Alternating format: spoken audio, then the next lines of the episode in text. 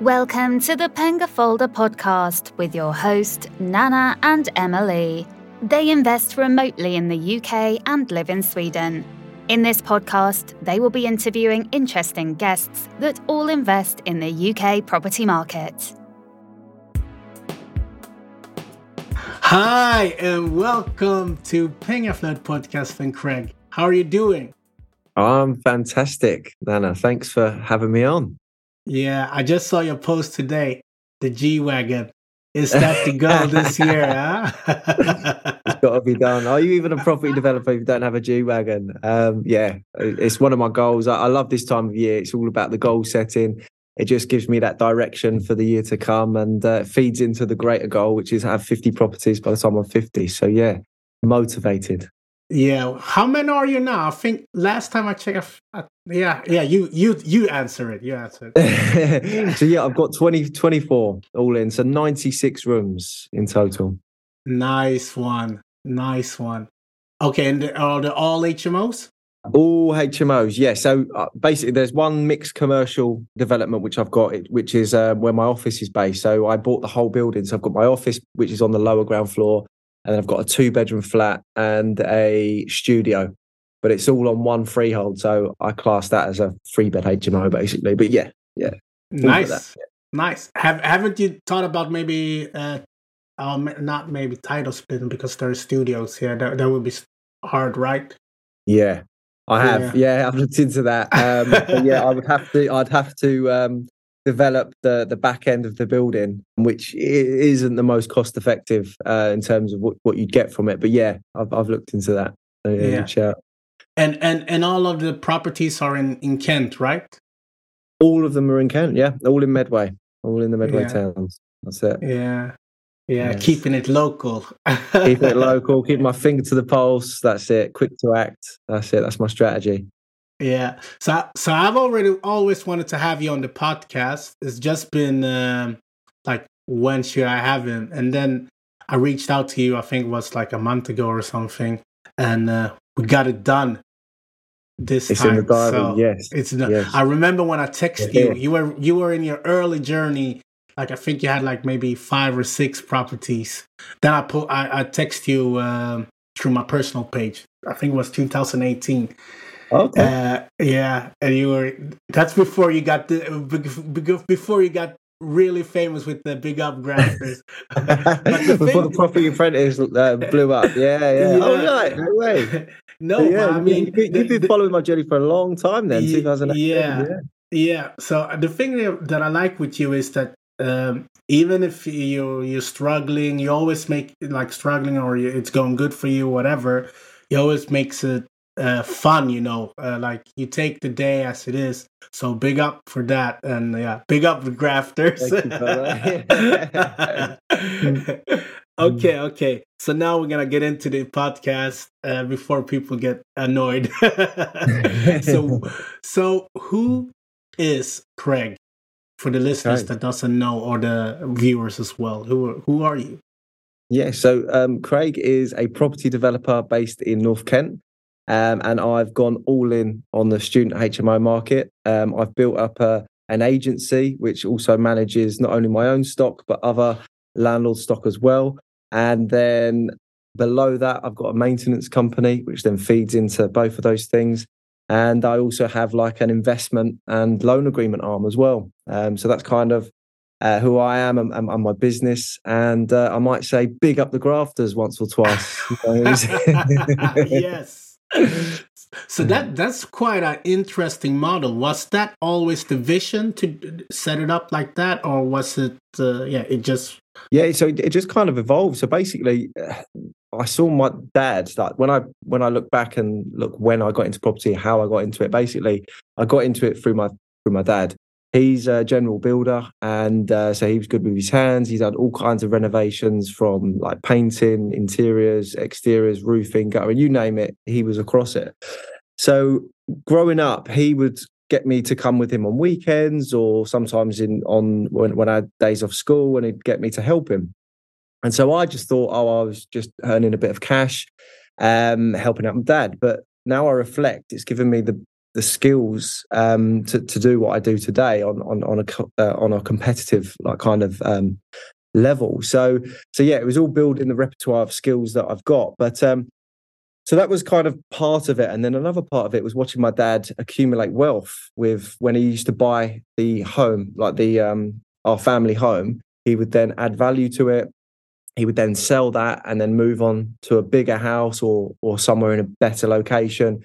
And yeah, and then I could kind of see see the the wealth he was accumulating from that. So that was kind of those are the two things that kind of really like the, the penny dropped. And then the third thing, uh, which is how I got into student HMOs, is when I came to university, and then I saw this massive gap in the market for high end accommodation and also a good service of management because when I went, I, I just didn't have that. I, I would just have, uh, it was very, very basic housing. Um, the furniture was crap. The, the service was really, really bad. And so, yeah, those were the three kind of combinations. And then, um, yeah, that's how I've kind of got into it. And then as time's got on, I've scaled it, I've saved, I've, I've um, scaled it again. And, and just through networking, um, landlords have seen like how I manage, how I work, and they kind of like that. And then they've given me the keys to their properties. And then it's kind of just grown into the beast it is today. So, yeah, it's kind of evolved. It was never the vision. It was never like, oh, right, that's where I want to be and that's how I'm going to get there. It's just yeah, I've I've just uh, taken it as as it comes and, and and evolved it. That that that's great. And uh, when did the the G wagon vision come? so the G wagon. So I've, I'm not a big like flashy person at all. Um, no, no. But I'll tell you what, I've now that I've got kids and I've got the family, and uh, there's that there's that phase in in your life. I think everyone goes through it where it's all about the graft and the grind and and, and building that momentum. And I've kind of done that for the last like ten years. And uh, now things have changed from a macro perspective. I think, yeah, I've taken the foot off the gas. So, so kind of my my mindset's changed a bit. So now I'm thinking, okay, well, I've, I've accumulated some good wealth. Um, I've got some good income coming in. Let's start to enjoy it. And now I've got the family here. I, I want to start enjoying it with them as well. So um, so yeah, I've sat down and uh, there's a few podcasts which I'll I'll go into later on in in uh, on this podcast, I'm sure. Um, and it's kind of yeah, it's changed my perspective of how yes, you, you graft and you grind and you save and and then you get to a point where it's okay. Well, I want to enjoy it now, and um, and that's kind of where I am. That's why the G wagons come in. It's, it's it's something that's like very still still far away. I mean, I it's like a 200 grand car. Do you know what I mean? It's not like it's just like, oh, I don't know, it's a lot of money to spend on a car, considering that at the moment I've just got a BMW 3 Series estate. Do you know what I mean? Which I'm quite happy with. So, but um, but no, it's a, it's a good goal to have. And um, yeah. I'm sure I'll reach it. But that's that's the whole reason behind it. Is just to give that, yeah, give give me a little bit of uh, fun, a little bit of reach to. to you you you definitely reach it. I'm I'm just uh, uh cracking some jokes with you. okay, okay. So, uh, would you consider another demographic or strategy, or is Absolutely, yes. I've tinkered with um, every buy to let strategy except for assisted living, but at the moment, I'm actually in talks with um, people who who, um, who are offering to take my properties on through assisted living means. So, so yeah, that's still early days. But I've been to the buy to let model, I've been the professional HMO model, and I've obviously I'm currently doing the student HMO model. And for me, now, the student HMO model is just the sweet spot for, for investing, especially in my area as well, in, in Gillingham and Kent, um, or in Medway it's in Gillingham, it's quite a low income area. So, like with respect to, to people that live there, uh, when you look at the stats, it's yeah, it's a low income area. So the clientele is a lot more high risk, um, and professionals, the kind of professionals that you'll get in that kind of area, um, again, are, are, like white collar. They're plumbers, they're they're builders, and I don't know. It, it's completely different to like a, a working city, like an, an inner city kind of environment with those kind of professionals so for me, it was all about the um, yeah, it, it's all about the clientele. So that's why the student HMO model is is the one for me. For buy to let, I've looked at families, and again, there's just not enough meat on the bone um, for that kind of model. It just doesn't excite me. And again, it's quite high risk because all it takes is for that one breadwinner to lose their job or being made redundant, especially the the um, economic environment we're going into at the moment.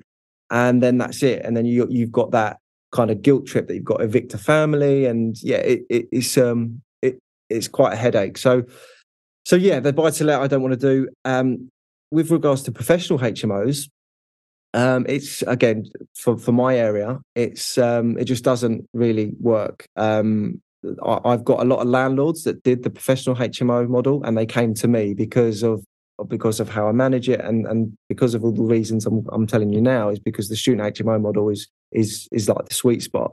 So they've had bad experiences um, with the professional, and it's also very bitty with the professional HMO. So, we, for example, you'll have like a five bed HMO. All of them are all on individual contracts. Nine times out of ten, you'll have one guy he, he'll stay for like twelve months, another guy he'll stay for eighteen months. So it's it's very bitty, you know. So in essence, it's five times the work. Whereas with students, um, it's one group.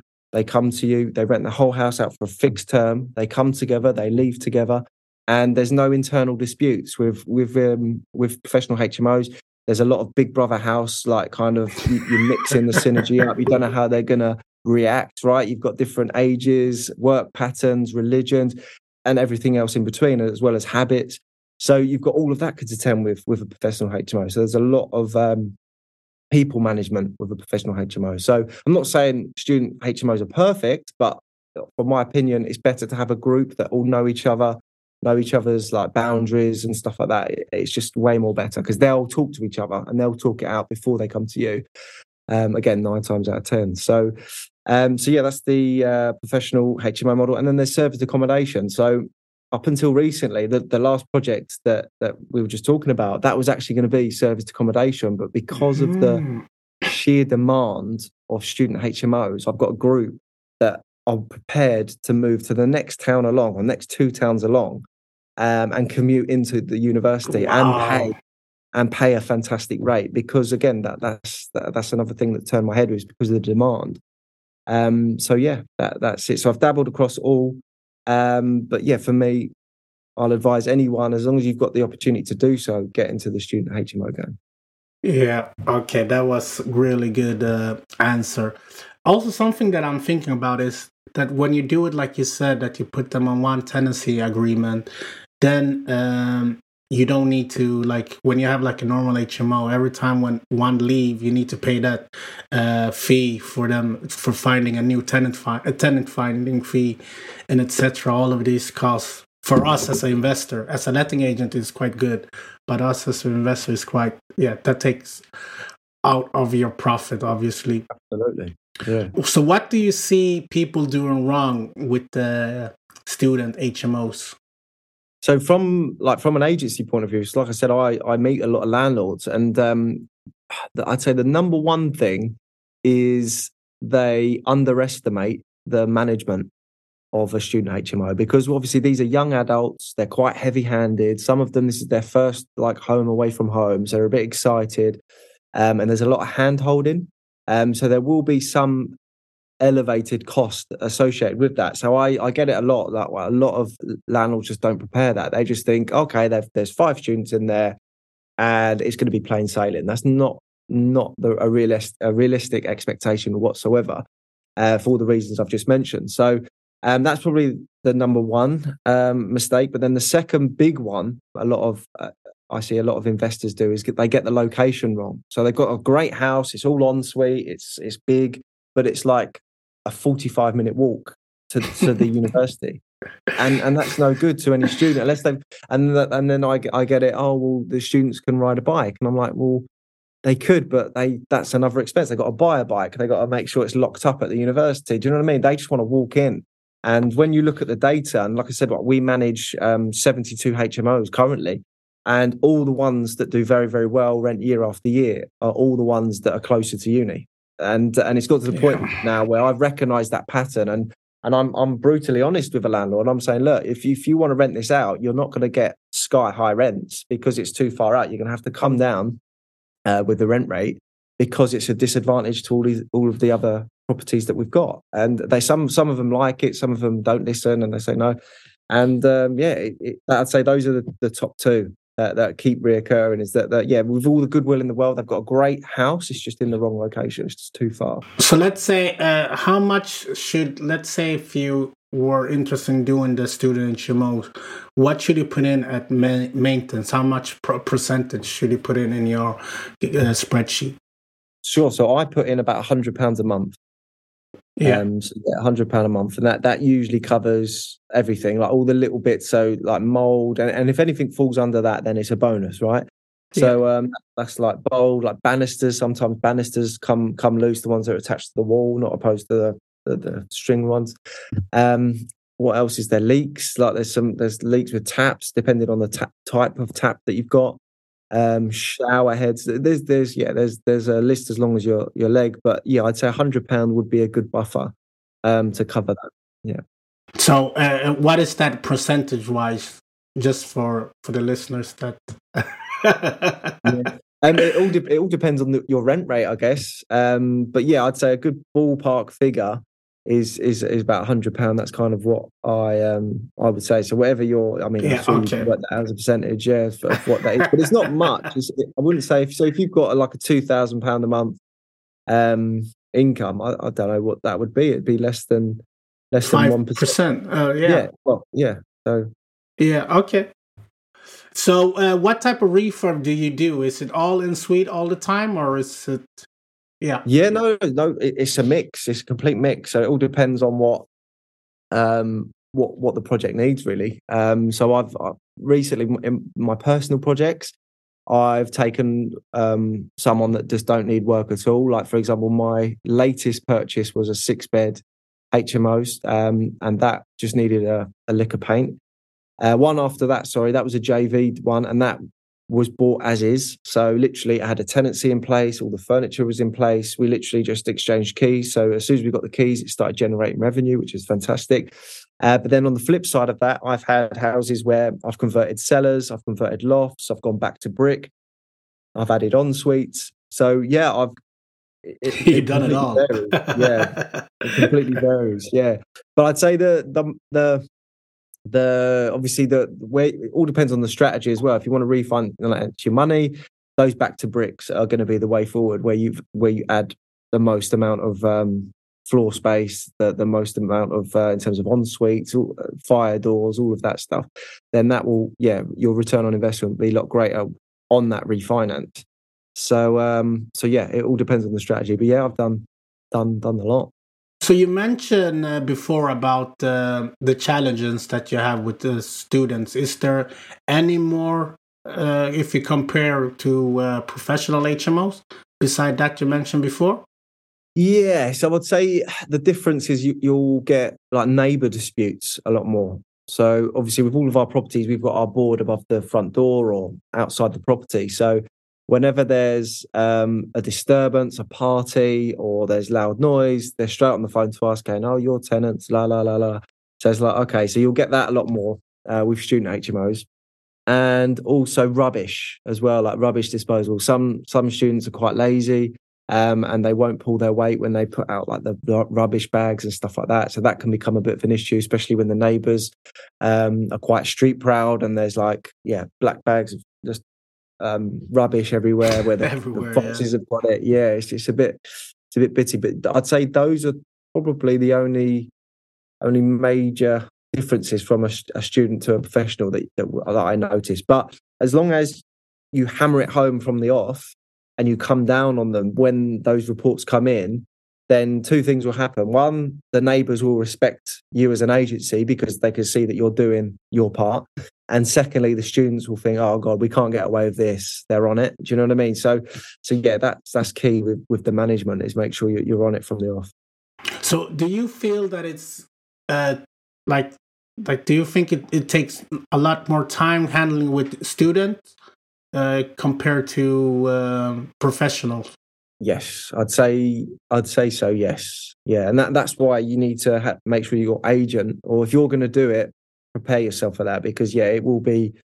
It is a yeah you, you and there'll be things that that you'll never even think of that will just like be sprung up on you and you'll be like what the hell how's this happened um, and you've got to prepare yourself for that but if you're outsourcing it then um, and it will only come with experience the more you get in the first time you get into it you'll be like okay this is this is good if you get a good group and then once you get a bad group and you don't know whether they're good or bad until they're in the in the house, right?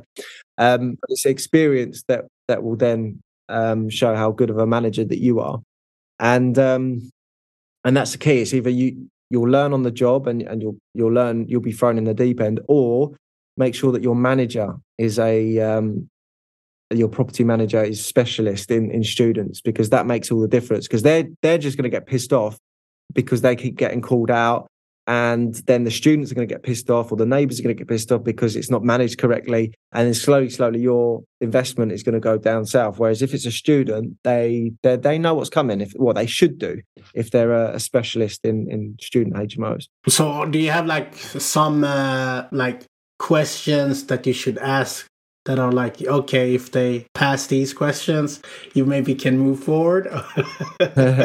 not not so much that it, it's literally it's literally we have a good tenant agreement in the in the contract that we have. Uh, mm-hmm. And it basically says the do's and don'ts. And okay. if, if, if, they do this and we're called out, then there's going to be a charge. Um, You know what I mean? So it, it's still there in black and white. We make them sign against it and uh, yeah, we've got that pretty airtight now. We've gone through it um, and we've added to it as as the years have gone because of various um, situations. But yeah, that's that's key. Is like you, you have that documentation. You you refer back to it as well. So, so for example, one of them is reduced noise levels between uh, 6 a.m. and 11 p.m. After that, it's it's not fair, especially if you're in a residential area. So we, if they do, we'll give them the benefit of the doubt the first time. We'll come down on them, but then we'll like screenshot that that statement, say, look, we've got your signature on it. Um, the next time this happens, we will have to revolt to the charge below because that'll be a call out fee. So so yeah, little things like that, and then they're like, oh, actually, yeah, they've yeah, and and that's the key is you just got to come down on it. And it's not being like Hitler, but it's like like ruling with an iron fist. It's, it's just being firm but fair, you know. Yeah, and and um, so do you like are the parents the guarantors? Is that like yeah. obligate?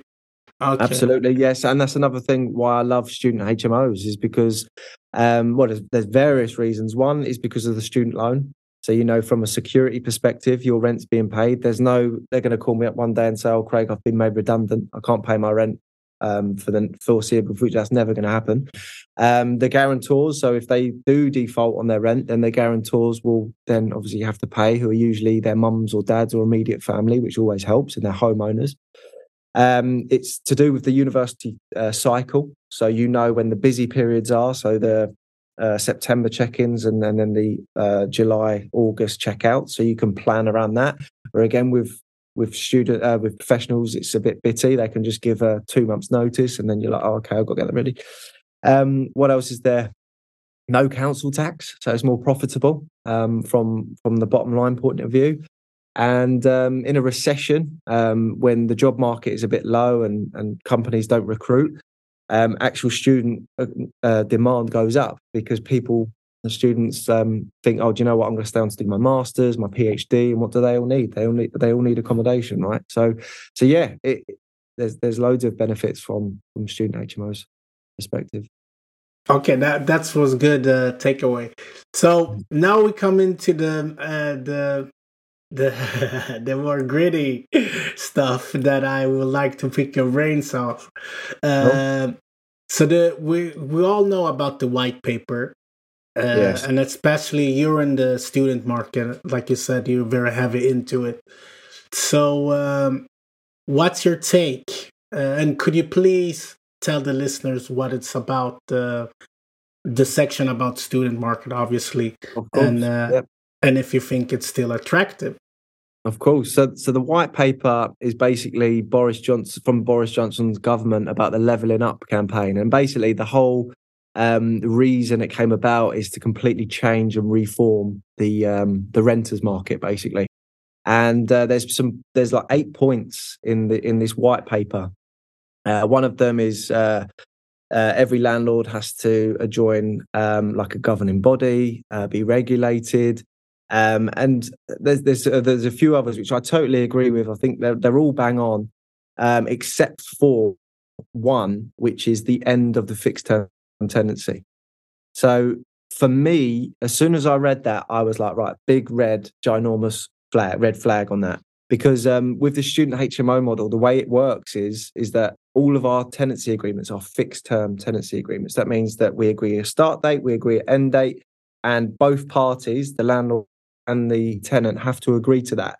So there's no I have to give you notice, or there's no you can't give notice. So that's that's the model, and that's great because um, we we know the timescales of that.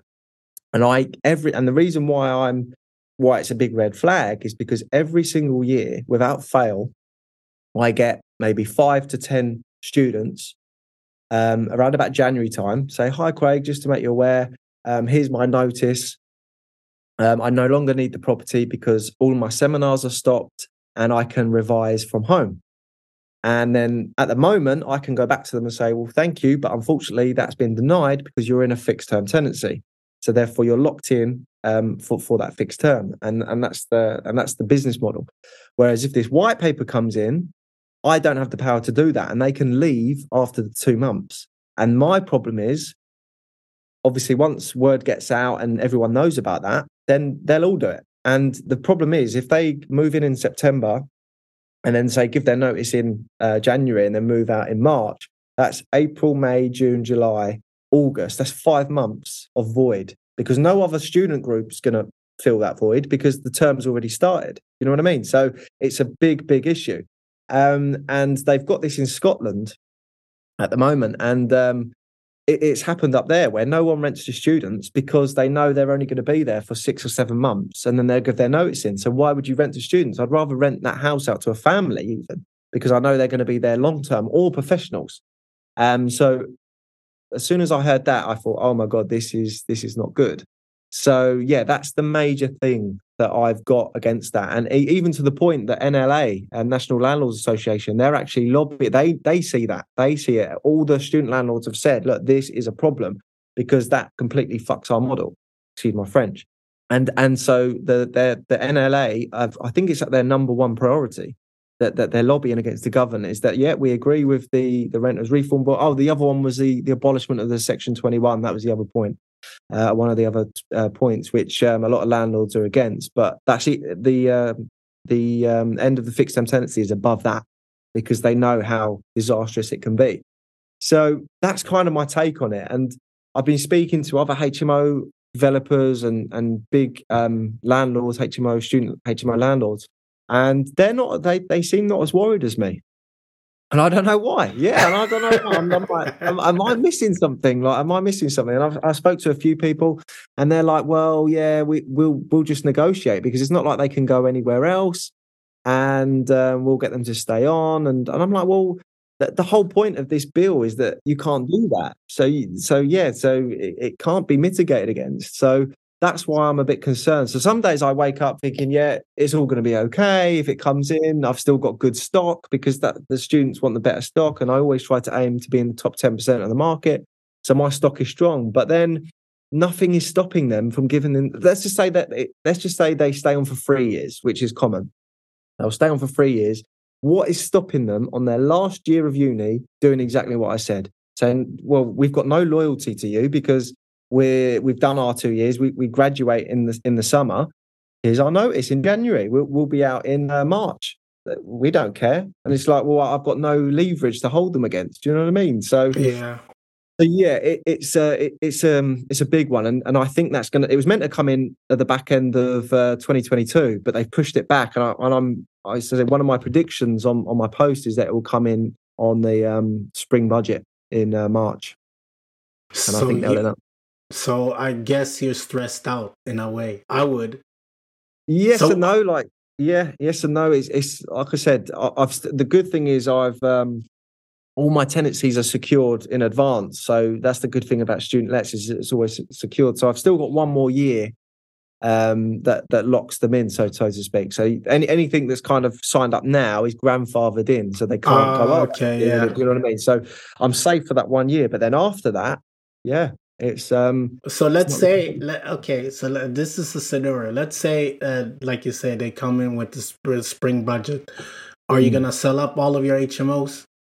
I, I probably won't sell. I'll probably um move some across to different strategies. So I'll probably look to do Airbnb um, because that's again, uh, yes, in terms of a workload perspective, it's it's quite high, but then the return is a lot higher as well. It's not passive, um, far from it. But the good thing is, I've got an existing HMO network. Do you know what I mean? So yeah. I can kind of uh, adapt to that. I've got cleaners, I've got maintenance, I've got to buy linen, fine. Um, do you know what I mean? So I can adapt. Yeah. And I've already thought about that. I've already um, kind of got a, a basic business model and plan. But I'm just waiting for that that white paper before I hit the the nuke button um, and uh, yeah, initiate it. Yeah, because uh, I, I was also looking into the to the student HMOs, but when I saw that white paper, I was like, mm, yeah. I need to wait yeah. to see what happens first. Yeah, this is it. And and the thing is, it, it, it can it will break a load of landlords. Like uh, the people that don't know about this and don't see this coming.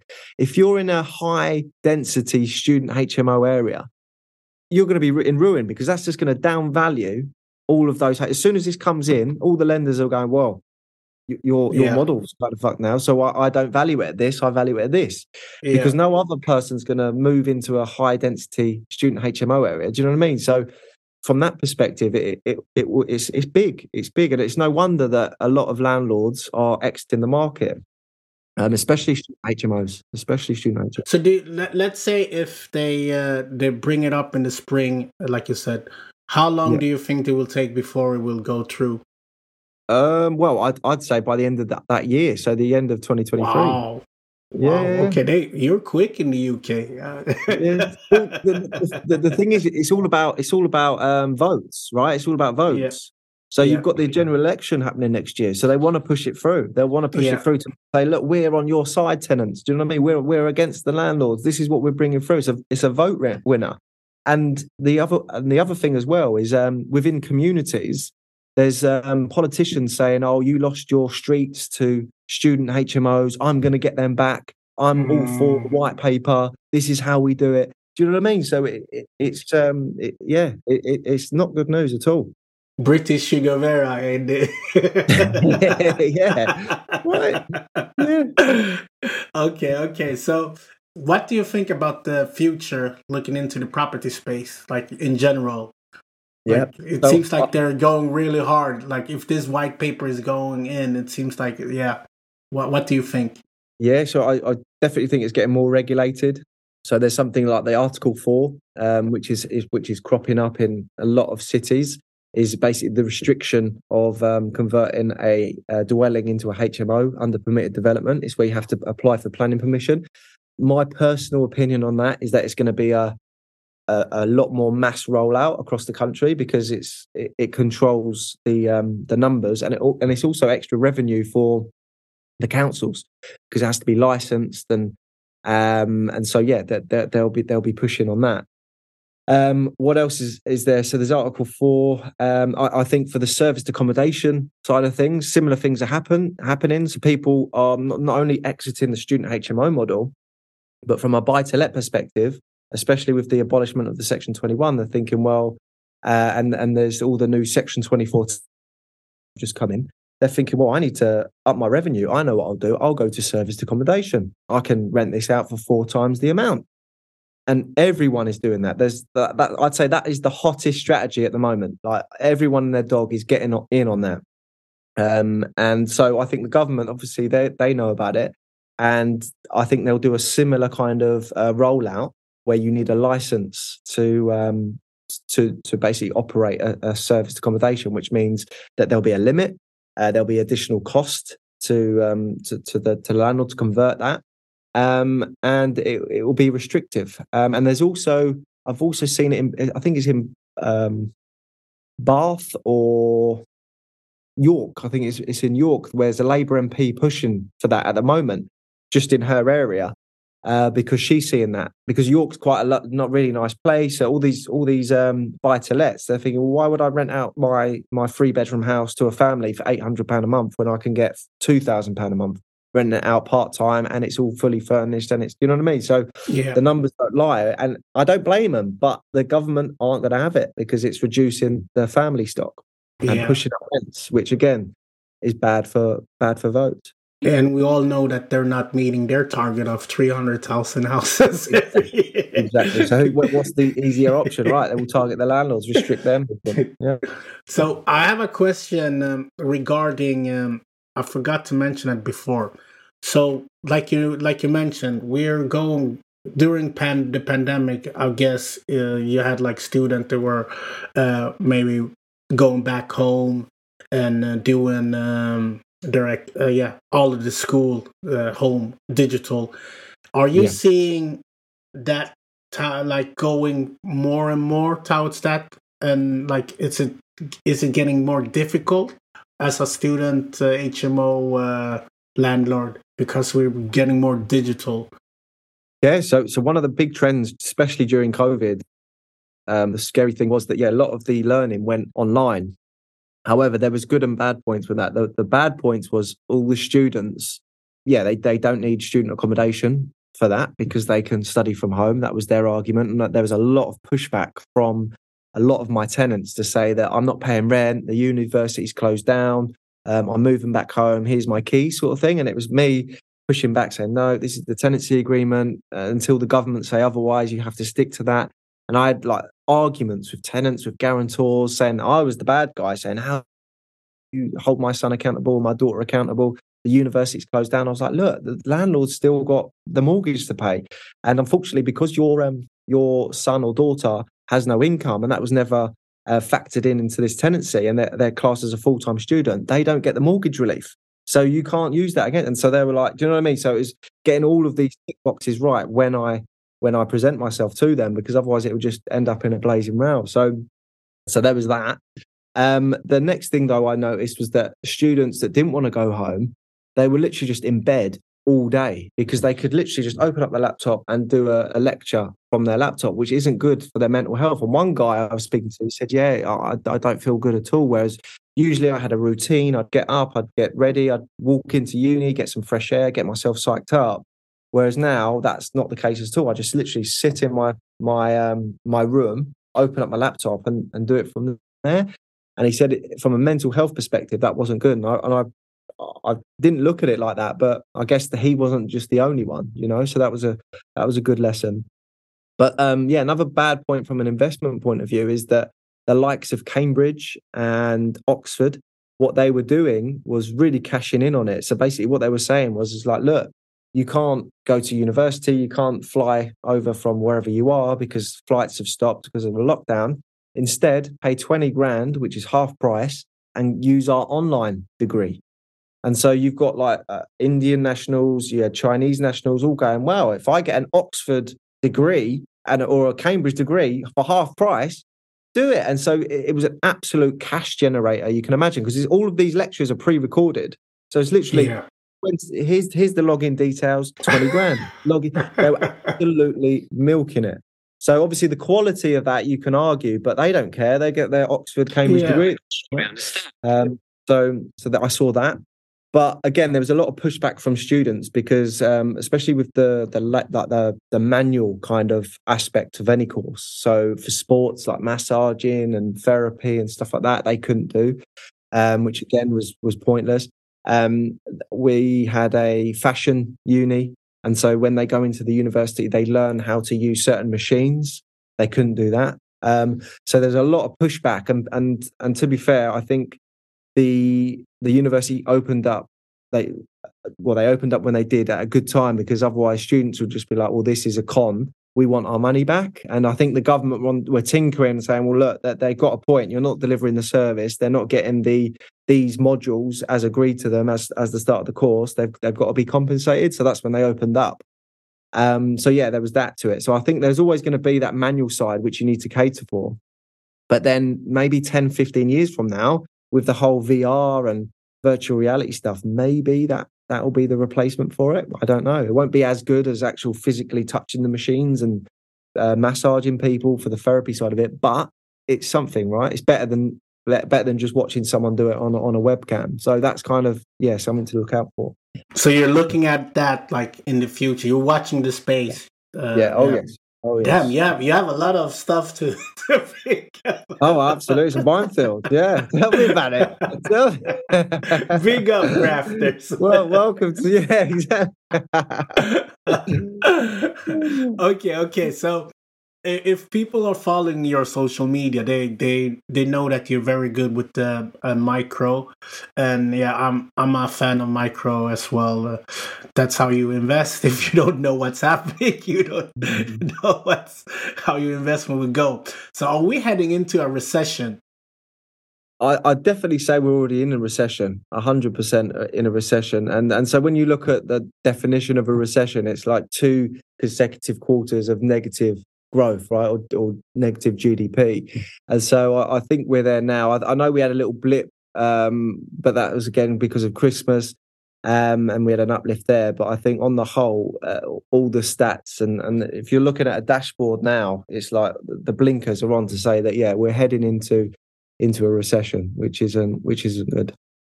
Yeah. So, what would you suggest people do in this climate? Yes, yeah. So, so for me, I'm I've taken the foot off the back off the brake for for purchasing, just because when you look at the the last ten years, the thing that stands out like a sore thumb, which we've all de- we've all benefited from if you've bought property in those ten years, is the super super low interest rates, right? And um and so that's that, that that's not happening anymore. That we, we've we've gone up to like three point five, I think we are now, which is which is insane in terms of going from like 0.25 or 0.1 at one point to going all the way up. That's a that's a huge increase, right? That's a huge increase, and it's no wonder landlords are selling up is because they're seeing the renewal rates and they're thinking, I'm breaking even, I'm making a loss at best, or I'm making like hundred pounds a month. Which if you then have like a boiler issue or if you have yeah. like 10 turnover it, it, just, it just eradicates your profit so so yeah I, I, think for me personally as as an investor i'm taking the foot off the brake. I'm, I'm seeing what happens. I'm waiting for prices to come down. I predict that they'll come down 15% from their peak which was in july last year so 15 um, percent from that.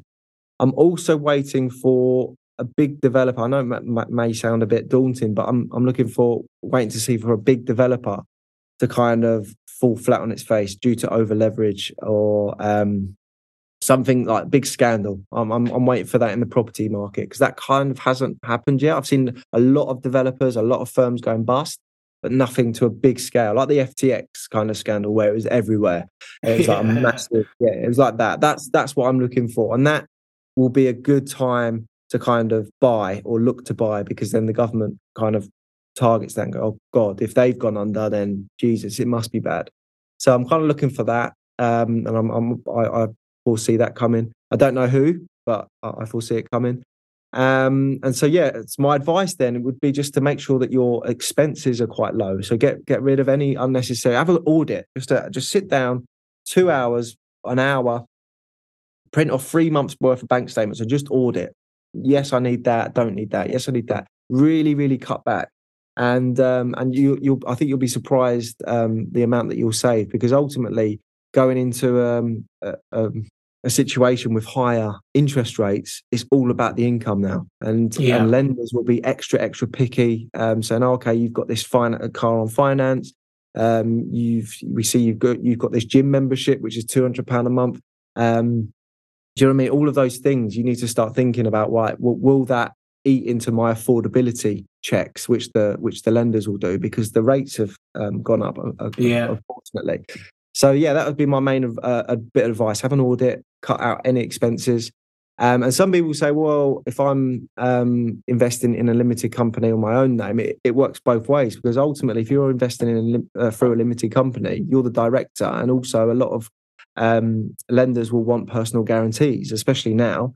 So you as the personal guarantee, what do they check? They want to check all your bank statements. They yeah. want to make sure that you're, you, do you know what I mean? So it works both ways, whether you've got it in your own name or whether you have got it in limited company. I, have had to do it. Um, so yeah, that would be my number one bit of advice because then not only that, not only are you saving money and looking, um, looking more attractive, you, will also save money and you, will be, you'll become more liquid, which then yeah. if an opportunity arises, you're quick to act that's something that I did uh, during last year. I, I refinanced like a lot uh, to the point where was, I've, I've never been more liquid. Um, hence the hence the the G wagon. All this money's burning a hole in my pocket. No, no. so uh, so yeah, in, in, my head I've got it already. But um, so yeah, just like that, and then and then when an opportunity comes, then uh, and so something I'm doing is going to auctions. um, and then and then you can pounce. So yeah, that would be my number one bit of advice. Yeah. So you mentioned before uh, the government they're doing everything for for uh, winning the next election. So do you think that they will try to do everything that we don't head into a recession or depression? Well, the whole the, the whole thing that this centers around that the reason why we're in the position we're in is because inflation, right? So yeah. inflation is coming down, which is good. But I want to wait until February and then March. Then we'll see what those inflation numbers are, are right. Because the only way they can really get a grip on it is if they increase rates. And the thing that I love to do is look at America because everyone follows America. Yeah. yeah. And so, um, so is it President? Um, I've forgotten Senator Powell. He's uh, he's quite hawkish, and he he's he said, "Look, I am raising rates until inflation is eradicated. That is my number one gain. If people are hurt in, in that, if if if uh, businesses go bust, it is what it is. It's for the greater good of the American people. Do you know what I mean? That's that's his yeah. mentality. And so I think uh, everyone will watch that um, and so I think, yeah, as as time goes on, in, uh, interest rates are going to keep going up, which is going to keep putting the squeeze on people. And um, there's something called the wealth effect, which uh, which is a, an, an, economic kind of theory, and it's basically saying that um, it stimulates the economy. Basically, everyone who owns a home, that's their like nest egg. So they look at the equity in their home. Let's just say they bought it for 200. It's now, it was then worth 300. So they've got 100 grand's worth of equity. Then next door puts his market uh, his up for sale for 250. And it's like, hold on a minute, shit, I've just lost 50 grand's worth of equity.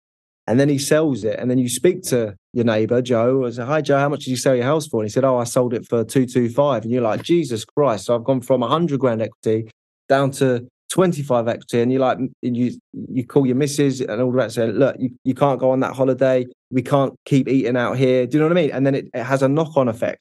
Um, and that's what we're seeing now. And I think as soon as the unemployment numbers start um, going up, which they have, they, they went up from, I think, 3.5 to 3.7 uh, from the last quarter, then um, it, it's just going to get worse and worse and worse. So again, these as long as you're following those like those key performance indicators, you, you'll see where it's going. And this is this is why I'm so my like a, a, sub slogan of mine is follow the data, follow the clues, because that that's where it's showing. As soon as it turns, I'll be the first one to go, right, guys, let's go, you know. But, big up grafters. big up the grafters, buy everything now. Because uh, yeah, but until then, um, that's not the case. So so yeah. Okay. yeah, that's good good uh, answer. So like I mentioned, you mentioned big up grafters. How important has social media been for you?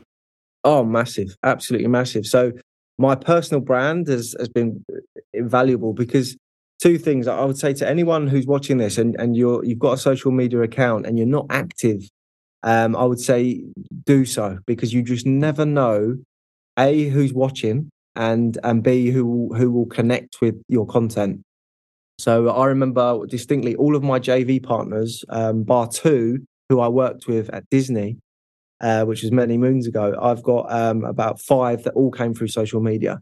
And how I came about this was I basically sourced a property for a, a friend of mine, and it, in my opinion, it was the best four bed uh, student HMO in Gillingham. I put my heart and soul into it, um, as you'd expect, because I was managing it. But then I sold it to him on a sourcing fee for five thousand pounds, and and Nana, this this asset is generating him twenty two thousand pounds a year and he refinanced it and got all of his money back out.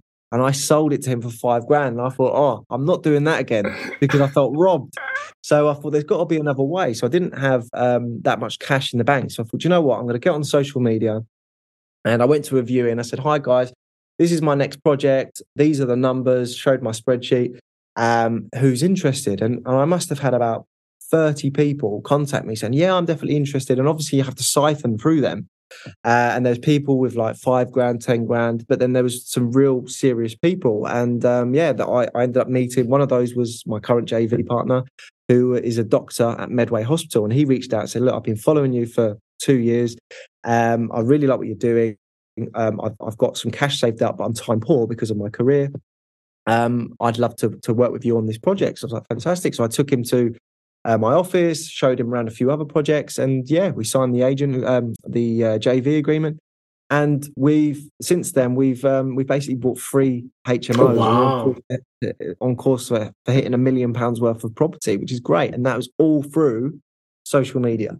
So absolutely, and that's just one example. I've got four more that I could that I could tell you, but that was that was one of the best ones. And it's just yeah, be authentic, be yourself. Don't be daunting. I was daunting, and um, I was embarrassed when I first started uh, doing it. But then you get confident, and you get feedback, and people people start to appreciate your posts. And and and and the thing is don't compare yourself as well. Don't compare your post to my post because we're com- we're at two completely different um, places in our journey. You'll get a lot like if you're an amateur and just starting in you'll get a lot more people following you that that are just getting in because they like to see those those steps. Whereas i'm a li- little bit more advanced so i get more of the advanced um, investor do you know what i mean so so yeah definitely start. Just just start and keep doing it. Be consistent, and and the more you do it, the, the more you'll get better at it. And uh, just yeah. just be yourself. So, do, do you outsource anything, and what? So outsourcing. So um, from um uh, from a management perspective, from the maintenance, a lot of um a lot of jobs that we do outsource. So my my dad still still um, works closely with us, but he cherry picks what he wants to do, and then he he, he outsources it to like the plumbers, the electricians, the roofers, all of that stuff. So from that perspective, all of that is outsourced, which is good because there's, there's a lot of it, especially with, like I said, with with a portfolio as large as ours. Um, but other than that, everything else is very close knit. I get other people to do it, but I'm I'm across it. So marketing, I'm across for for, for the student house stuff, um, complaints um, and and general like uh, tenant complaints or, or maintenance issues. Like we have regular meetings so that I know that things are being dealt with um, properly and quickly as they should be, um, and compliance as well. I think that's that's an important one. So yeah, I'd say that I don't outsource a lot. No, I I, I only outsource the, the maintenance side of it, but that's because yeah, I, I otherwise I'd, I'd never sleep. No, no. I'd, okay. So what what programs and apps are must have must have, yes. So the the what I basically uh, structure the whole uh, management side is, is a, a, management software called 1090. Um, and that handles rent, that handles um, compliance, it shows up like alerts, um, it, it, does viewings, diarizes. It's fantastic. It, it's I'd say it's the most used tool um, that I that I use in the day to day running of, of my HMO business. Is is that the next one is Dropbox because obviously the amount of tenancies, documents, um, um, everything like all kinds of things all goes into a shared Dropbox folder, and other people can get access to it, and then you can share it, and that's all kept up to date. So, so yeah, I'd say those are the two, um, the big ones is is 1090 software and uh, Dropbox. Okay, yeah. thanks. So, what tips can you give the general like yeah, so general tip is, is, is, um, again, no matter where you're at um, in your journey, I, I would just say uh, be consistent, like keep going, um, baby steps, and, and keep moving forward. Uh, it, my point of view, if you're not moving forward, you're going backwards. It's, there's literally one or two things, and and it doesn't have to be buy, buy, buy and stuff like that because the the the um, macroeconomic has changed. But what I would say is is like go to networking events, keep your finger to the pulse, uh, surround yourself with people that you could could do business with or could uh, lend to or borrow from. Do you know what I mean? When the when things open up, because it will happen, um, but just don't stop. Um, just just keep going, just keep going, and yeah, uh, big up the grafters. Big up the grafters. Keep going. okay, so this is one of my favorite questions. Uh, what books or book would you recommend reading? Yes. So, uh, so I've got three books for you. Yeah. So all, all okay. the different stages of of your investment journey. So for for me, the first one that completely changed everything um, was Rich Dad Poor Dad. It's a classic. Yeah, a lot of people have read that, but that's that's the one. If you're beginning and you, and you want to get into property, um, just understanding the financial benefit of investing into property and the opportunities that it um, opens up for you is, is an absolute game changer. So that was number one. And as soon as I opened that, I, I couldn't put it down. Um, number two is The Millionaire Next Door. Um, that's a great book. Um, it's basically a survey of um, I think hundreds of millionaires in the states, and basically it was recognizing different patterns, different traits, what they like did in spending habits, what they invested in, when they invested it, um, how they arranged their um, estate when they when they popped their clogs. It is fantastic. It, it, it, it I, again, it was another one of those books where I just couldn't put it down. I was I was really intrigued by it. So that's kind of like the the second book. Once you've got your your property uh, and you're earning from it, it's a, it's a good one to fine tune um, how to run it. Um, and then the next one, which I've just literally finished reading um, as of like yesterday, is called A Die with Zero. And uh, basically, it's how you, uh, yeah, thumbs up. You've heard this one. And basically, it's like you've accumulated your, your wealth, um, and it's how then you use that throughout the, throughout your life and at the stages of your life to get the maximum out of it, um, and also to to leave um, to leave it to, to to your family as well. And I thought I've never read a book and and, and heard um, that kind of method methodology, which again was completely different. So I was so glad I read that because again, at the stage of life that I'm in now, again enjoying stuff, it, it just resonated with me entirely. So so yeah, those those are the three books. Yeah, great selection. I've read all of them, and oh, yeah. Uh, yeah, I, and the Die with Zero, I read it. I think in October and something like that, and it just like you said, it just flipped my mind. You know, because you need to enjoy it as well, and yeah. And not just save everything uh, for a rainy day and uh, like for your kids in the future, because you uh, you want to cherish the moment that you have with your with your children. I know you have one, but maybe you get one more. I don't know, but I've, just I've to cherish. I've got, yeah, I've got one coming as well. oh, congrats! Congrats! Thank you, brother. that, that, that's what I mean. You know, you need to because yeah. we we're so good at you know, especially when you're investing, we're also so good at holding back because oh, I can buy another property or I can you know use this money for that, but at the same time, you don't know when it's your time to go and exactly. all of this stuff. So yeah. good one there. Good, three good books. So my last question before we wrap it up. If you had unlimited funds, who would you have as a mentor? Oh, so do you know what I I've always followed and had a soft spot for Gary Vaynerchuk. I think um, I I, lo- I love everything about him. He's got that like gritty, like can do attitude. And I think, yeah, if I had the money, I would, I'd for a one to one mentorship for like 12 months. I think, yeah, that I, I'd throw my money at him because I think that the value that he gives is, is absolutely phenomenal. So, so for me, it would have to be Gary V. Yes. And that, and again, he doesn't just, I know he's, he's big on social media and marketing. And I think, yeah, that's, I'd, I'd love to take that from him and um, adapt it to property and other business as well. Have you checked how much he costs? Uh, or I, does he even do mentorship? I haven't looked actually. No, why have you? no, I haven't. I haven't. say if you can hook me up, that'd be great. I'll try. I'll try. so, Craig, this has been amazing. I'm so glad we did this uh, episode because you literally went through the whole student HMO market and you also went through the micro aspect of uh, yeah the future and your predictions and giving good tips about different stages that you are in your property journey. I really liked it and enjoyed it. Hopefully you jump on again maybe in the future. Maybe we'll do uh, another episode when the white paper have when when it's the real done deal. Yeah, yeah. Once what, it's out in the open. Yeah. yeah. no, that sounds that sounds absolutely fantastic, Nana. Thank you so much for having me. I hope your listeners get some good value out of it, and uh, yeah, I can't wait to be on the next one. Yeah, so give if you want to say anything to the listeners and like give drop your details some big up grafters obviously uh, you, this is your time. Yes guys. So yeah please stay in touch. I love to um, see what people are up to. And if you did get value please let me know. I, I, I like i said I, I, love it when people take time out a day just to say oh yeah i found this useful or I, or I use this to get get somewhere. That's great. So um, yeah please use my socials. So it's the property apprentice on instagram uh, that's my main one. And uh, yeah, big up the grafters.